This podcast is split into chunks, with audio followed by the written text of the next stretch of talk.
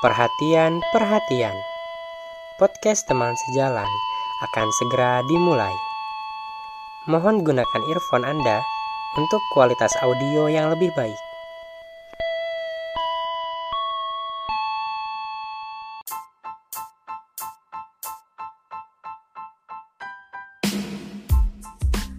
Hai, selamat datang di podcast Teman Sejalan. Menyuguhkan obrolan yang tak terduga dari dua orang yang sederhana. Aku Giami dan temanku Parhan. Kali ini kita mau bahas hal yang lagi rame dan lumayan relate dengan kehidupan sekarang. Apalagi kan masa pandemi kayak sekarang nih. Konsumsi akan internet, terutama sosial media, pastinya lebih meningkat dong. Karena banyak orang di rumah aja, sosial media menjadi pilihan untuk menemani masa-masa di rumah aja. Nah, kali ini kita mau ngomongin sosial media itu. Mungkin beberapa dari kalian gak tahu nih cara kerja sosial media dalam memberikan informasi ke kita itu kayak gimana. Yuk kita bahas. Hai Parhan, gimana nih kabarnya? Hai G, Alhamdulillah nih sehat. Kalau G sendiri gimana? Alhamdulillah sehat juga. Tadi kan kita mau bahas sosial media nih. Emang cara kerja sosial media tuh kayak gimana sih? Uh, ketika ngomongin sosial media, uh, ini tuh unik gitu. Sosial media itu punya sistem yang hari ini kita sebut dengan algoritma. Ia berperan penting menentukan apa saja yang bakalan kita dapetin gitu. Apa saja berita yang akan muncul, friend listnya siapa, apa aja informasi yang bakal kita terima, itu tuh ditentukan oleh algoritma. Berdasarkan by by cookies kita atau by search kita atau kesukaan kita Hal inilah yang disebut filter bubble atau gelembung penyaring. Karena algoritma akan mencari apa yang sesuai dengan kesukaan kita, lalu memberikan rekomendasi yang sesuai dengan history search kita, apa yang kita sukai, apa yang sering kita lihat, apa yang sering kita tonton. Dan ini tuh hampir terjadi di sosial media. Bahkan tidak hanya di sosmed aja sebenarnya, uh, search engine seperti Google, uh, portal berita seperti Yahoo dan yang lainnya juga menggunakan algoritma yang sama yang hari ini dikenal dengan nama filter bubble. Oh gitu ternyata cara kerja sosial media tuh. Emang filter bubble tuh apa sih? Filter bubble tuh ya istilah yang menggambarkan bagaimana algoritma atau sistem tadi menentukan informasi ap atau apa aja sih yang bakal kita temui di internet. Terus dampak jangka panjangnya gimana?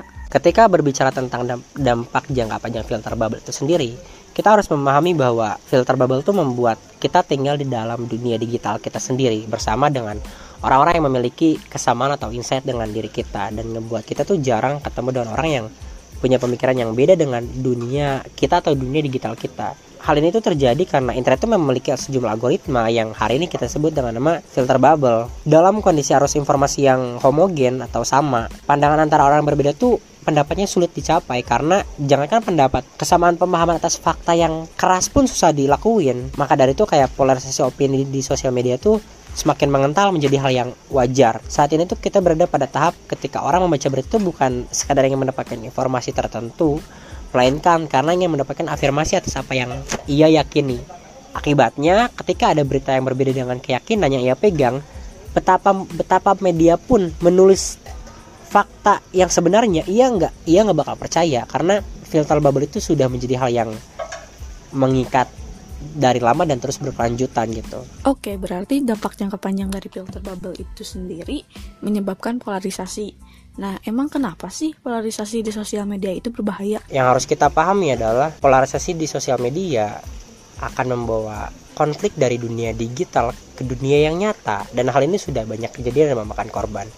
Polarisasi ini memantik konflik-konflik yang berkelanjutan. Makanya ketika filter bubble membuat potensi polarisasi semakin besar, maka secara nggak langsung juga filter bubble tuh membuat potensi konflik itu semakin nyata. Karena ketika polarisasi menjadi satu hal yang biasa, maka kehidupan di dunia digital kita akan tidak jauh dari melihat orang berantem di media sosial. Sesederhana itu. Makanya ketika ada yang nanya, emang kenapa sih polarisasi di sosial media itu berbahaya ya? Karena secara nggak langsung polarisasi di media sosial bisa berdampak ke konflik di dunia nyata dan kita semua tahu itu adalah hal yang berbahaya dan nggak pengen kita inginkan.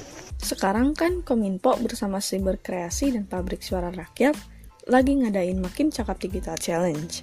Nah, emang kenapa sih cakap digital itu penting? Cakap digital hari ini adalah menjadi satu keharusan yang tidak bisa dibantah ketika kita ingin bermain sosial media.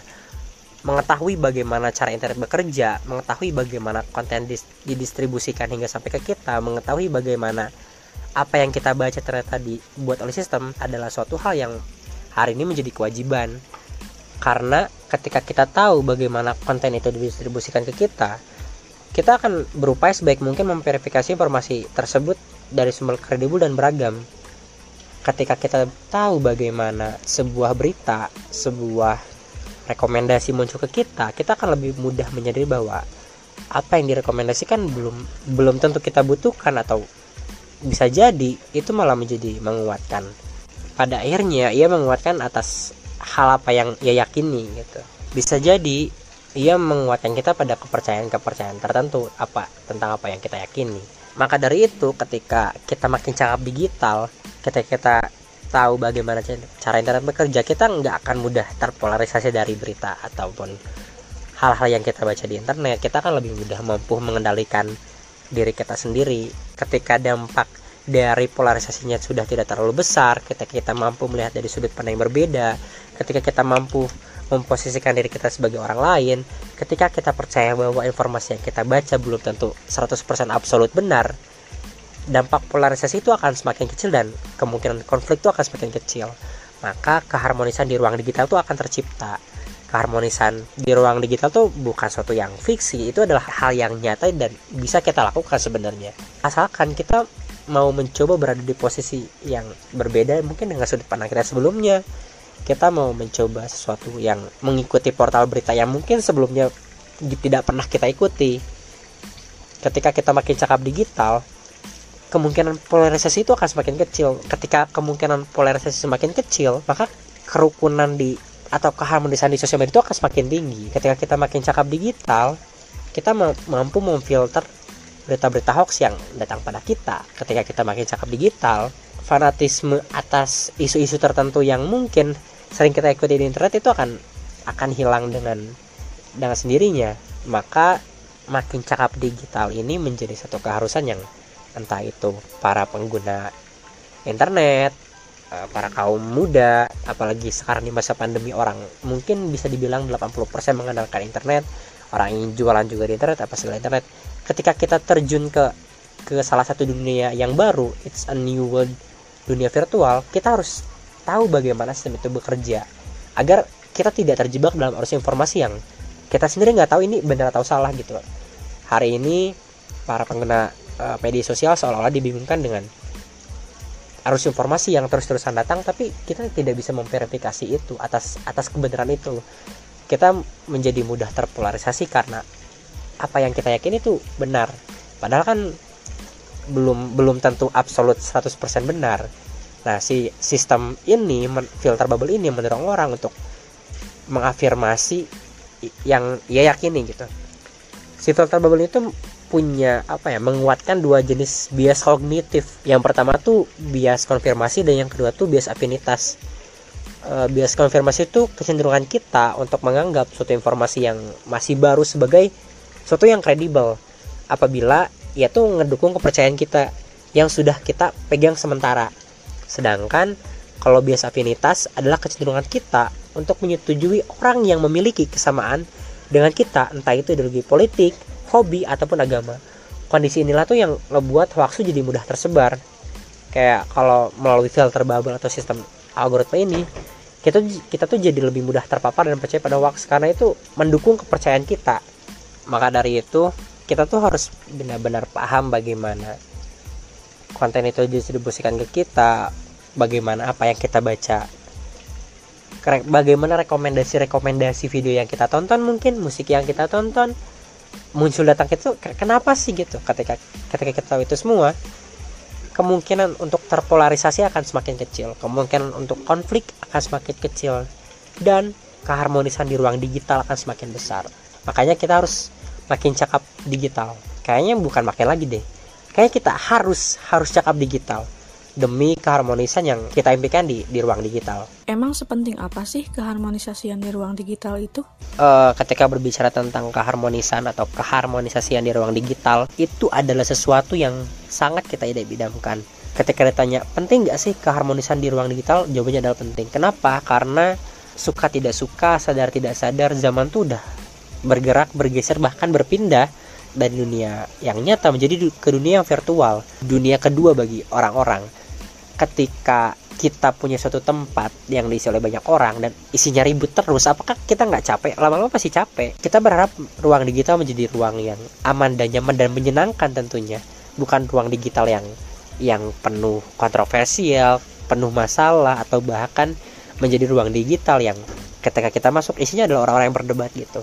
Harmonisasi di internet itu penting banget karena ia sudah menjadi bagian dunia kedua dari orang-orang orang dunia kita tuh sudah berpindah bergeser sangat-sangat cepat dari dari sebelumnya. Nah, kan dari tadi kita ngomongin dampak negatifnya terus nih. Emang nggak ada satupun gitu dampak positifnya dari filter bubble ini? Ketika kita berbicara tentang sebuah mata koin, ketika ada sesuatu yang negatif, pasti juga memiliki sesuatu yang positif. Ketika misalkan dari tadi, oh filter bubble itu berbahaya, filter bubble itu menyebabkan polarisasi, filter bubble itu memacu konflik untuk menjadi lebih dekat. Sebenarnya ada nggak sih sisi positifnya? itu kan itu mungkin jadi pertanyaan bagi orang-orang yang dengar podcast ini sebenarnya filter bubble tuh punya sisi yang positif gak sih nah pasti punya dong salah satunya adalah filter bubble tuh ngebuat kita nggak tersesat di belantara informasi di internet. Misalkan kita cari informasi uh, apa dengan ribuan di antaranya itu kurang relevan dan dia nggak membuang waktu. Nah, si filter bubble itu pasti bakal ngefilter apa yang relate dengan kita. Misalkan aku adalah seorang yang hobi jalan-jalan. Ketika aku search keyword uh, Mesir di Google mungkin yang akan muncul di halaman pertama adalah rekomendasi tempat-tempat jalan-jalan yang lagi hits di Mesir. Aku adalah orang yang hobi makan. Ketika aku search uh, Jawa Tengah mungkin adalah makanan-makanan yang hits di Jawa Tengah yang akan muncul di beranda pertamanya. Jadi si filter bubble itu ngebantu kita biar nggak tersesat di belantara informasi dan biar lebih fleksibel dan tidak membuang waktu. Nah yang kedua tuh kayak filter bubble tuh dapat jadi asisten kita di dunia digital sih kayak menjadi informasi informatif relatif relevan dan homogen tentunya ya. Karena kalau heterogen kayaknya nggak ada deh kalau dipikir-pikir eh, sosial media yang heterogen saat ini ketika filter bubble ini jadi asisten kita maksudnya karena dia memberikan informasi yang dipersonialisasikan dibuat khusus untuk anda gitu. Jadi ya pasti informasi-informasi yang muncul di rekomendasi itu adalah yang relevan dan relatif homogen ya dari dari tontonan yang sering kita tonton. Jadi si filter bubble itu bisa memberikan kesibukan dan rekomendasi yang bahkan nggak kita perkirakan. Contohnya kayak misalkan aku adalah seorang yang suka nonton salah satu anime di, di YouTube misalkan. Ketika kita ketika aku klik yang direkomendasikan oleh YouTube, bisa jadi aku akan mengklik 100 video lagi akan direkomendasikan oleh YouTube gitu maka dari itu ya filter bubble ngebuat kita hidup di di dunia digital kita sendiri. Kan sekarang ada gerakan apa gerakan kurangi sosial media dan sebagainya. Nah kalau misalkan uh, kita sih mungkin harus lebih bisa apa ya ketika kita tahu cara kerja internet kita bisa memilih memilih kita akan mencoba membuang sisi buruk dan mengambil sisi baiknya. Misalkan ketika dia seorang penjual nasi filter bubble itu membuat dia tuh mempermudah ketika memasang iklan tuh menemukan konsumen yang memang dia cari gitu. Makanya di masa-masa digital kayak gini mari kita beradaptasi dengan dunia yang baru dunia yang sudah bergeser dunia yang apa ya dunia yang mungkin bahkan kita nggak pernah bayangkan sebelumnya. Ya semoga mudah-mudahan kita tuh bisa bisa survive di masa-masa sulit ini. Kita tuh kita bisa memanfaatkan digital platform ini dengan dengan baik dengan bijak makanya kita tuh harus cakap digital. Kita tuh harus apa ya melek digital mungkin ya.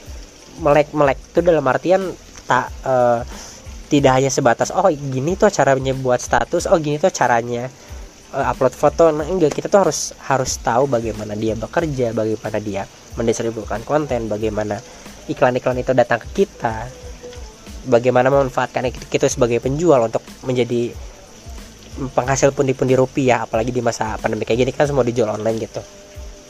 Jadi untuk siapa pun yang di, yang mendengar podcast ini di mana pun kalian berada dengar podcast ini yuk mari cakap digital yuk mari pahami secara sistem internet yuk mari manfaatkan peluang yang sudah ada di depan kita. Jangan sampai ketika kita buka internet hanya debat kusir aja yang kita lihat. Mari sama-sama menjadi pribadi yang lebih baik dengan cakap digital karena dekat dengan kamu cakap digital akan membuat kamu berinternet dengan aman dan nyaman dan tentu saja terjauh dari konflik terjauh dari pertikaian terjauh terjauhkan dari debat kusir Oke, cukup sekian podcast kita kali ini. Terima kasih untuk para pendengar teman sejalan. Sehat selalu ya.